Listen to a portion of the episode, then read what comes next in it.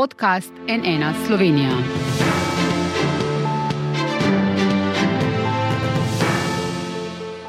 Dober dan, to je NN studio. V Slovenijo prihaja Forbes. Slovita blagovna znamka, ki je že več kot stoletje sinonim za ekskluzivne in verodostojne informacije iz gospodarstva in deluje v več kot 70 državah. Od torka naprej pa bo v okviru United Media zaživel tudi v državah naše regije. Kakšne vsebine prinaša, bomo tudi v Sloveniji dobili različne lestvice najvplivnejših in najbogatejših. Vse odgovore ima urednica slovenske izdaje Forbesa, dolgoletna novinarka za področje gospodarstva Bojana Humar. Dobr dan, dobrodošla. Dobr dan. Bojana, za tiste, ki morda te blagovne znamke še ne poznajo, kaj je pravzaprav Forbes?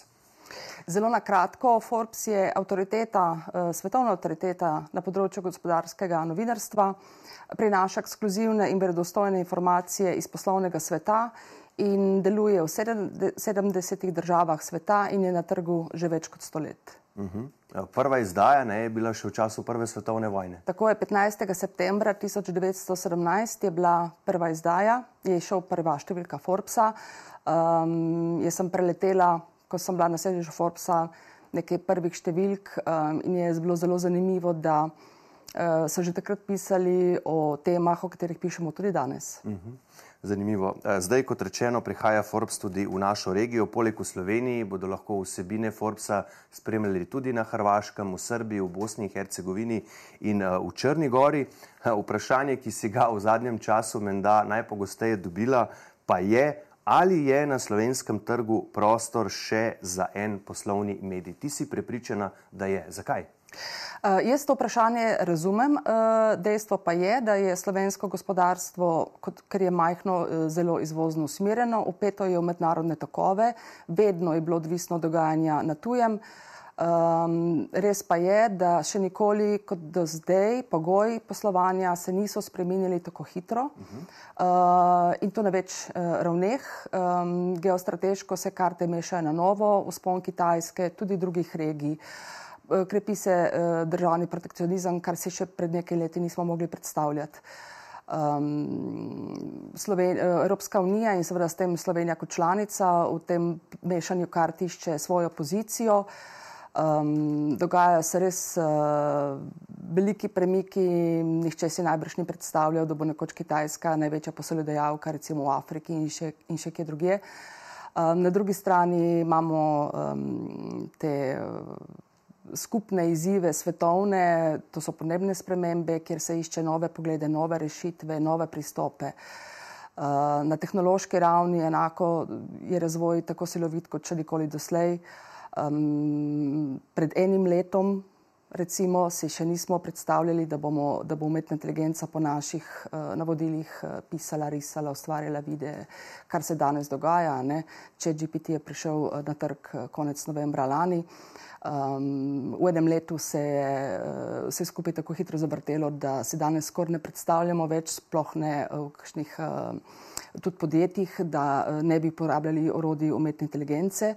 Uh, in se to so um, delati v takih razmerah, seveda zahteva hitro prilagajanje tudi podjetij. In pri tem uh, poslovneži potrebujejo hitre, uh, ažurne, sveže, koristne informacije. Zato si bomo v Forbes Slovenija prizadevali in zato verjamem, da je uh, na slovenskem trgu prostora tudi za Forbes Slovenija. Mhm. O čem boste torej uh, poročali, kakšne vsebine vse bomo lahko našli na forbeslovenija.com? Poročali bomo o zelo različnih vsebinah, rada bi pa najprej povdarila, da bomo v spredje postavljali ljudi, uh mhm. -huh. ker podjetje uspešno ali neuspešno je posledica. Ne? Nas zanima en korak, nas zanima vse skupaj en korak prej. Uh, kdo so ljudje, ki vodijo podjetja, kdo so ljudje, ki so, ki so podjetja ustanovili, uh, kje črpajo ideje, kaj jih motivira, kaj jim gre dobro, kje se jim je zalomilo. Uh, vse to poskušamo razumeti, da potem razumemo, zakaj uh, imamo stanje, kakršno imamo. Pogovarjali se bomo z uspešnimi, uh, ker so seveda lahko navdih drugim. Eh, pogovarjali se bomo tudi s tistimi, ki se jim je zalomilo, ker se je tudi iz napak mogoče učiti. Mm. Uh, gledali bomo seveda pod prste ministrom, ministricam, um, kako ravnajo z davkoplačevalskim denarjem. Uh, pogovarjali se bomo vsemi tistimi, ki na tak ali drugačen način vplivajo na gospodarstvo. Pokrivali bomo pa posel v najširšem pomenu besede, javne finance, tehnologije vseh vrst, nepremičnine, ki so priljubljena naložbena, um, uh, priljubljena naložba slovencev, um, potem vse rešitve, ki, ki vodijo v uh,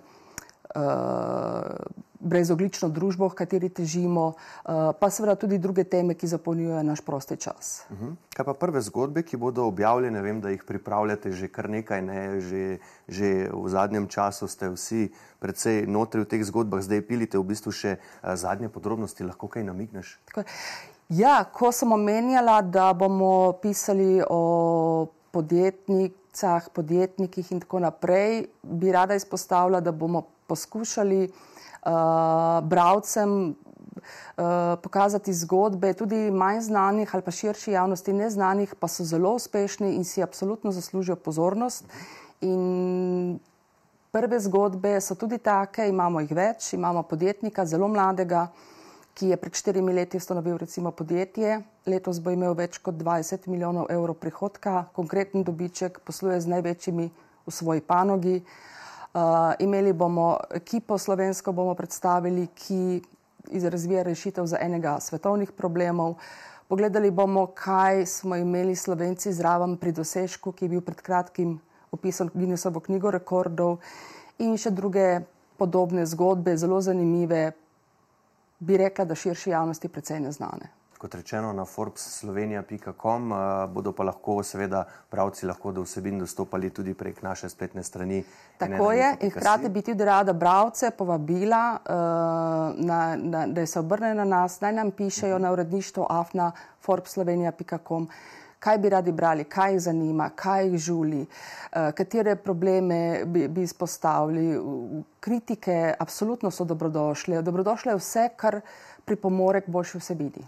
Eh, kaj prinaša dejstvo, da je Forbes Slovenija del dveh velikih mednarodnih mrež? Na eni strani Forbesa, na drugi strani United Media. Prinaša za uh, dve pomembni stvari, bi izpostavila. Uh, na eni strani dostop do osebin, do katerih kot lokalni mediji pač ne bi imeli. To so zelo ekskluzivne osebine, ki jih ima mednarodni Forbes. Do ljudi, ki krojijo svetovno gospodarstvo, do katerih mi nikoli ne bi morali, do, mogli dostopati. Uh, do analiz in tako naprej, ki jih sami pač ne bi mogli um, iz, izdelati. Uh, na drugi strani imamo pa dostop do najsodobnejših tehnoloških rešitev, ki jih kot uh, digitalni mediji seveda nujno potrebujemo, zato da se lahko razvijamo. In v bistvu upetost te dve mreži nam na eni strani omogoča res dobre vsebine, hkrati pa zelo dobro uporabniško izkušnjo, ki lahko damo bravcem. Bila si tudi v Združenih državah, kjer je sedež Forbesa, to si omenila, tam si spoznala urednike z vseh koncev sveta. Eh, kakšna izkušnja je to bila, si dejansko tam šele v bistvu začutila, za kako veliko stvar gre? Ja, v resnici ja, in tudi mene je presenetilo, ker pogled eh, na Forbes iz Slovenije je v resnici zelo zožen. Uh, Uh, ko pa sem prišla tja, ko v bistvu spoznaš vso mašinerijo, ki stoji za tem, da, da Forbes v lokalnem jeziku bere v 70 državah, ko spoznaš, um, uh, vsaj preletiš, no, ali pa uh, ta obsežen arhiv, to je vendarle stoletni medij. Mm. Um, ko spoznaš bogatstvo te dediščine, kaj vse je tam nabrano, nakopičeno. Ko se pogovarjaš z uredniki, kolegi od Salvadorja do do Ukrajine, kako razmišljajo, kako se lotevajo tem, kje imajo probleme, ko ti tudi resnici vsi svetujejo, ker so vedeli, da mi šele začenjamo, ponudijo pomoč in tako naprej. Je to neprecenljivo, ki ga recimo samo na domačem trgu nikoli ne moreš dobiti. Mhm. In del tega zdaj postaja tudi Slovenija s Forbesom. Uh, Forbes je seveda znan po objavljanju različnih lestvic, najbolje poznamo seveda lestvico najbogatejših zemljanov, pa najvplivnejših. Eh, ljudi, najbogatejših športnikov, najbolje plačanih igralcev in tako naprej. Boste torej tudi vi pripravljali kakšne zanimive lestvice, na katerih bodo slovenci?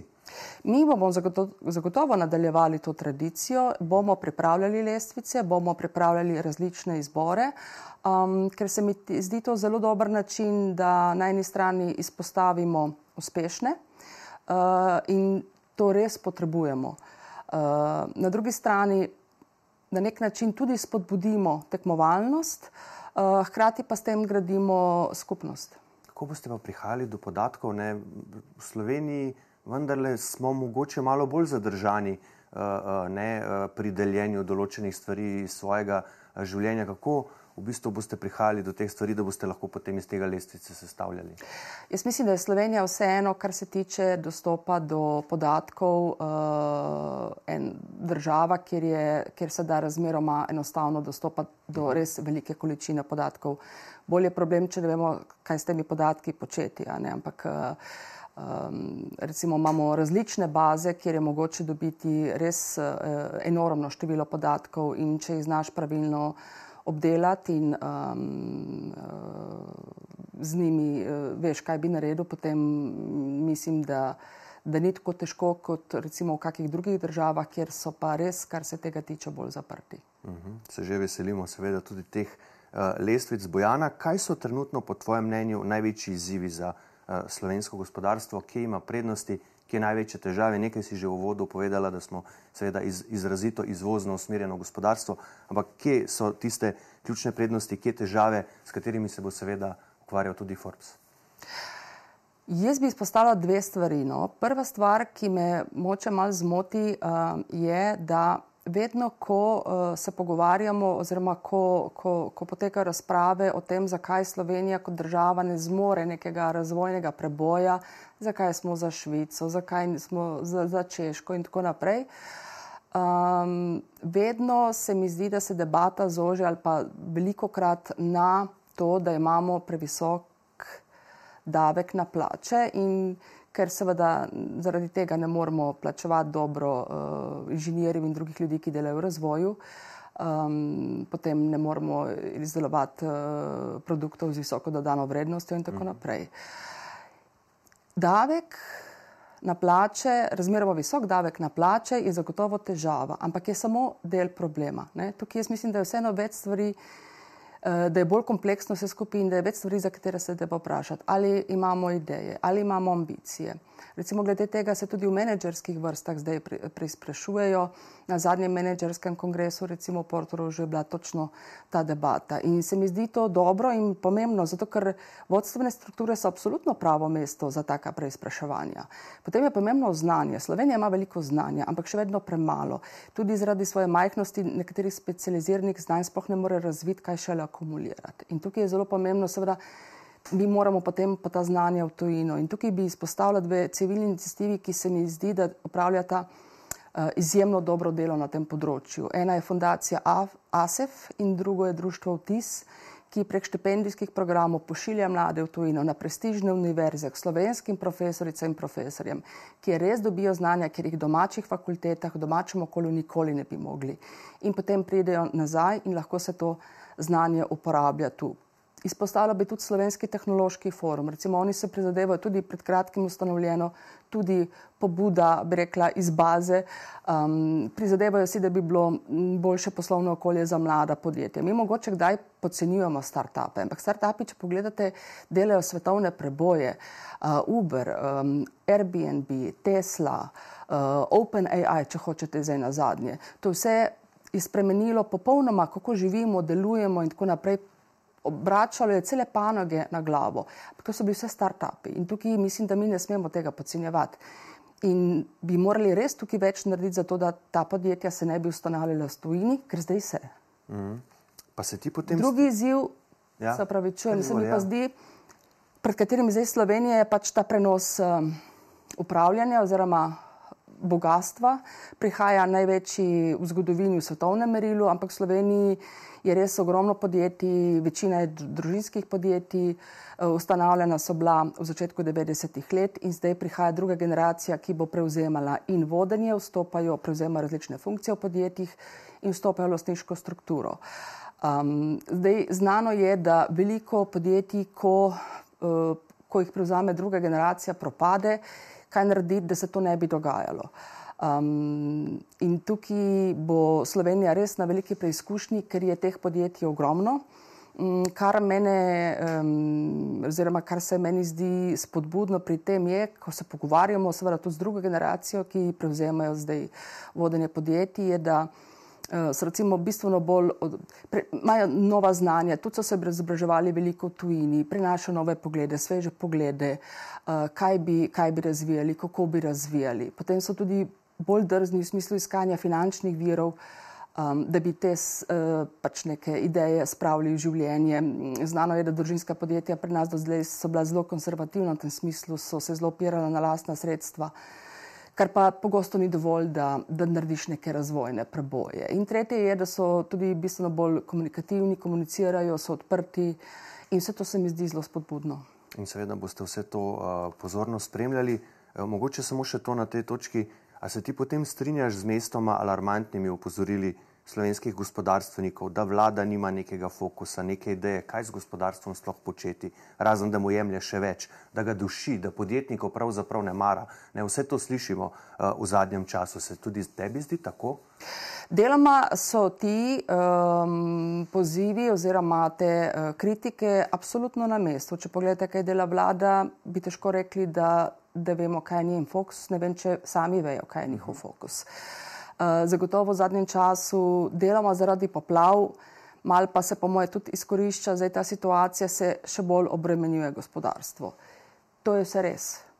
Uh, na drugi strani je pa res, da imamo, uh, da, da, da so na drugi strani um, ta ista država nuditi tudi mnoge subvencije ne, za različne uh, razvojne projekte, da je mogoče iskati tudi tujini uh, številna sredstva, uh, če imamo idejo in, in, in tako naprej. Tako da um, zagotovo ni dobro to, kar se zdaj dogaja v Sloveniji. Um, zagotovo ni dobro, da se to dogaja v času, ko se ohlaja svetovno gospodarstvo, od katerega je, kot sem že omenila, Slovenija izjemno odvisna. Um, bi pa rekla, da da tukaj ne kaže biti defetistno. Um, je, je, je vseeno še kar veliko stvari, ki so dobre in ki jih velja izkoristiti, in ena od teh stvari so zagotovo um, številne subvencije, ki jih imajo podjetja na voljo. Mhm. In seveda tudi to podeljevanje subvencij boste na Forbesu zagotovo uh, spremljali. Seveda, ja. uh, jaz vam želim in seveda vsa ekipa NN je vesela, da ste se nam pridružili in vam seveda želimo zelo, zelo uspešno delo v tej regiji in v tej državi. Bojana, najlepša hvala, da si prišla v naš studio. Hvala vam. Hvala pa tudi vam za vašo pozornost. Kot rečeno, torej od torka naprej forbeslovenia.com, tam boste našli vse zanimive vsebine, o katerih sva z Bojano govorila. Iz studija pa le še lepo zdrav in nasvidenje.